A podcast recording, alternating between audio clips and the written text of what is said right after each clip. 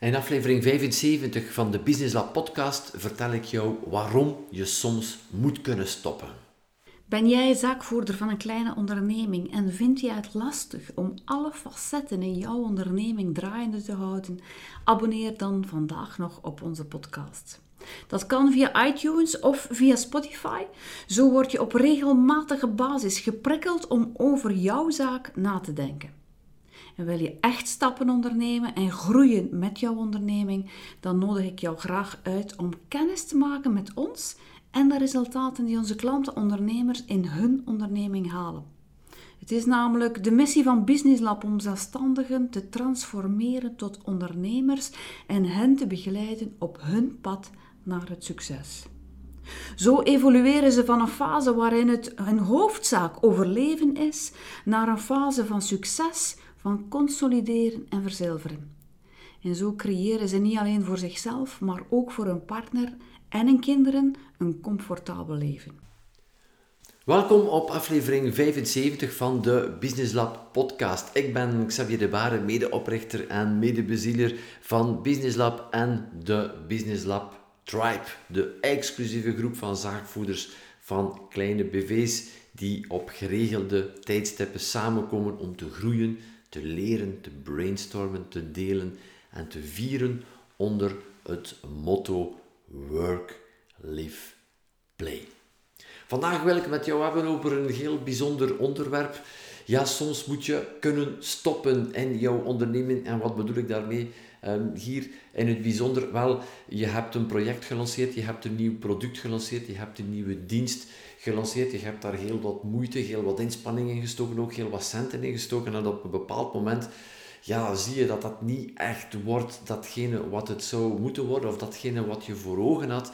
En dan eh, is het de kunst om die pijnlijke beslissing weliswaar te kunnen nemen om ermee te stoppen. En dit is niet gemakkelijk. Hoofdzakelijk voor drie redenen. Um, eerst en vooral, ja, we zijn, ja, we zijn op een of andere manier verliefd op ons product, dienst die we nu gecreëerd hebben. We hebben daar heel wat uh, energie in gestoken. Uh, we vinden het tof. Uh, we hebben daarover gebrainstormd. We hebben daarin geïnvesteerd. We hebben daar een groot beeld van gemaakt. En eh, dan lanceer je het en dan begint dat zo heel traag en er komt precies niet echt uit wat dat je zou willen en je blijft daar maar verder in investeren, tijd, geld en energie insteken en een maand, twee maanden, langer nog en dan op een bepaald moment kom je toch tot de vaststelling, ja, blijkbaar, ja, uh, pak het toch niet aan, maar ja, het is toch zo goed, mijn product is zo goed, het is zo goed. het is allemaal zo afgewerkt. Ik heb er alles, alles in gestoken eh, wat ik, eh, wat ik kon om dit goed te maken. Ja, en toch zie je ergens dat het niet helemaal aanpakt en je blijft ergens maar volharden in de boosheid um, om, om verder te doen, nog verder blijven investeren en tot op een bepaald moment dat je ziet, ja maar nu kan het toch zo niet verder en dan is het echt het lef te hebben, het durf te hebben om te stoppen ook. En dat is niet altijd gemakkelijk, want ondertussen hebben er jou ook een aantal klanten het vertrouwen gegeven in dit product of dienst. En dan eh, ja, moet je het ergens wel stop gaan zetten. En dit is niet fijn. En we hebben de neiging om gewoon om dit te vermijden, om die lastige, ambetante communicatie te vermijden, gaan we liever verder gaan doen, verder tijd gaan verliezen, verder tijd investeren, geld gaan investeren in iets waar er uiteindelijk geen echte toekomst meer voor is. Gewoon om ja, de, het slechte nieuws maar niet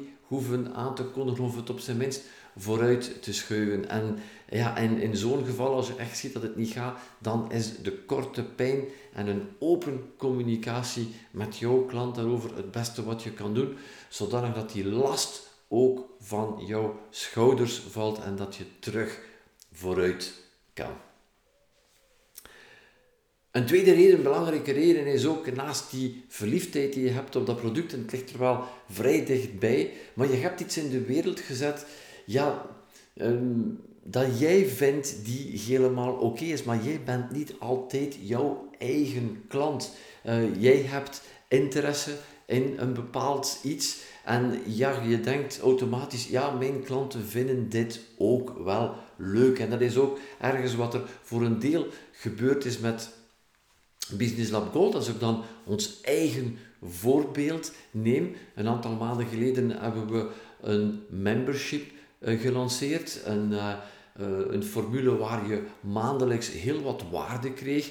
Business Lab, netwerkcafé, waar ondernemers elke maand samenkwamen. Er was ook een tech-webinar, een, een, webinar waar we meer technische, marketingtechnische zaken aanpakten. En ook een maandelijks tijdschrift, een magazine, het Geen Gezever Marketing magazine. En uh, ja, um, dit heeft het succes niet gehad die wij verwachten.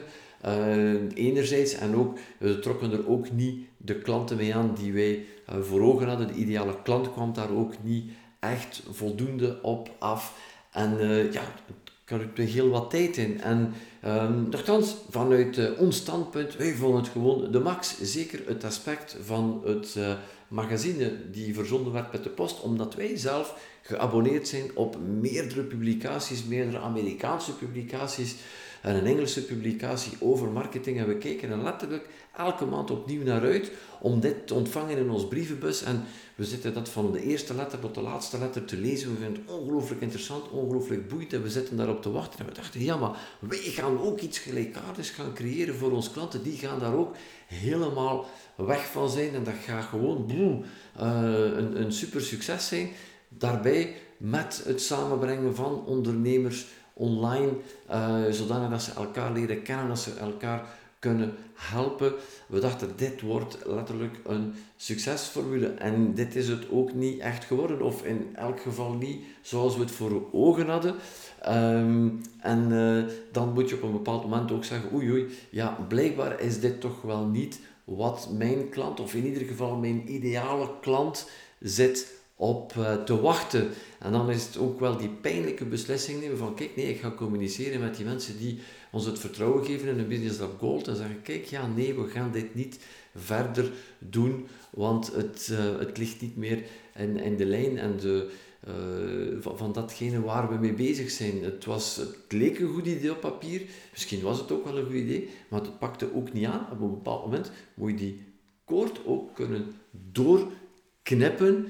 Uh, ook is dat niet fijn, uh, want ergens, ja, je hebt het vertrouwen gekregen van jouw klanten en ja, je wilt die mensen ook niet ontgoochelen, maar anderzijds moet je ook naar de feiten durven te kijken, de tijdinvestering, geldinvestering die erin zit voor, um, ja, voor een heel lage return en met beperkte groeimogelijkheden. En um, ja, dit brengt mij ook onmiddellijk bij de derde reden waarom ja, op een bepaald moment je moet het ook kunnen stoppen, want er zit ook een heel grote opportuniteitskost achter. En wat bedoel ik daarmee met een opportuniteitskost? Het feit van dit blijven verder te doen, uh, zorgt ervoor uh, dat je een aantal zaken niet kan doen door gebrek aan tijd, gebrek aan ruimte, gebrek aan energie, gebrek aan geld, gebrek aan medewerkers.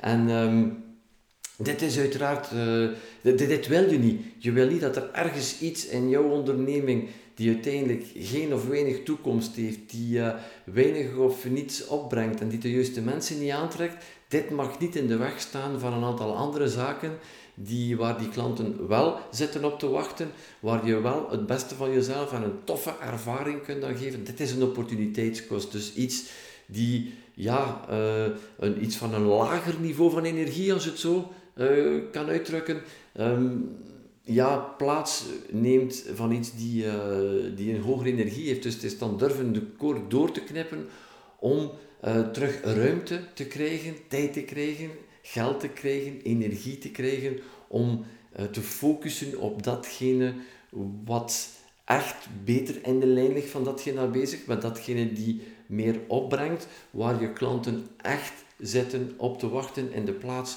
van ja, maar te blijven volharden in iets die niet helemaal, ja, die niet helemaal het ding is. En uh, die een enorme opportuniteitskost creëert, want het, het zuigt je energie. Je voelt ook om de dure energie dat je er moet insteken. Het is letterlijk trekken en sleuren om het nog af te werken, om het nog gedaan te krijgen. dit put je uit en dat is uh, waardevolle energie dat je dan niet meer hebt voor uh, andere projecten die, um, ja, die ergens wel hoger staan op, uh, op de schaal binnen je onderneming van de zaken die er echt toe doen en die belangrijk zijn en die effectief een groter verschil betekenen. Voilà, dit wou ik jou uh, meegeven. Misschien was je een van onze trouwe abonnees van Business Lab. Dan krijg je ook wel ergens wel wat inzicht wat er ons gemotiveerd heeft om deze ja, lastige beslissing te nemen. Ik vond het echt niet fijn samen met Anne om die beslissing te moeten nemen. We hebben ze ook eerst een paar keren uitgesteld om heel eerlijk te zijn. Maar op een bepaald moment zeggen ja nee, we moeten ook dit voorbeeld geven. En daarom wil ik deze podcast daar heel open over communiceren. Ook het voorbeeld geven aan onze klanten dat het ook op een bepaald moment helemaal oké is om de koord door te knippen. Om te zeggen nee, hier stopt het. En uh, we gaan ons terug focussen op datgene wat uh, belangrijker is. En uh, deze boodschap wou ik jou ook meegeven. Misschien in een of ander aspect van jouw business heb je daar ook een beslissing te nemen. Een product te stoppen, een dienst uh, te stoppen. In de plaats van het kunstmatig in leven te houden, durf die kort door te knippen. Je zal zien, er komt ineens heel wat energie vrij. En heel wat mogelijkheden vrij naar de toekomst toe. Het is helemaal oké om op een bepaald moment stop te zeggen. Uiteraard moet je voldoende inspanning er hebben ingestoken. Je kan ook maar niet na dag 1 alles daar gooien en daarmee stoppen. Je moet het ook een kans geven, uiteraard. Maar op een bepaald moment heb je ook een kantelpunt. Dat je ziet dat de kans voorbij is en dat je zegt: Oké, nu is het tijd om ermee te kappen. En dan ook die krachtige beslissing nemen. Want ondernemen is ook nee kunnen zeggen, nee durven zeggen om uh, daarna terug verder te kunnen gaan met uh, andere zaken. Voilà, dat was het voor uh, deze aflevering nummer 75 van de Business Lab podcast. Ik ben heel benieuwd naar jouw reacties hierop. Uh, zend mij gerust een e-mail naar an-xavier.businesslab.be. voor de rest hoop ik jou te mogen ontmoeten op een van onze volgende events. Waarom uh, Business Lab niet en de Business Lab Tribe niet komen ontdekken tijdens een van onze Business Lab kick-offs. Uh, ga gaan kijken op businesslab.be slash ko uh, of op, op de website, de homepage van de website vind je ook uiteraard de link om daar naartoe te gaan. Kijk welke onze volgende bijeenkomst is.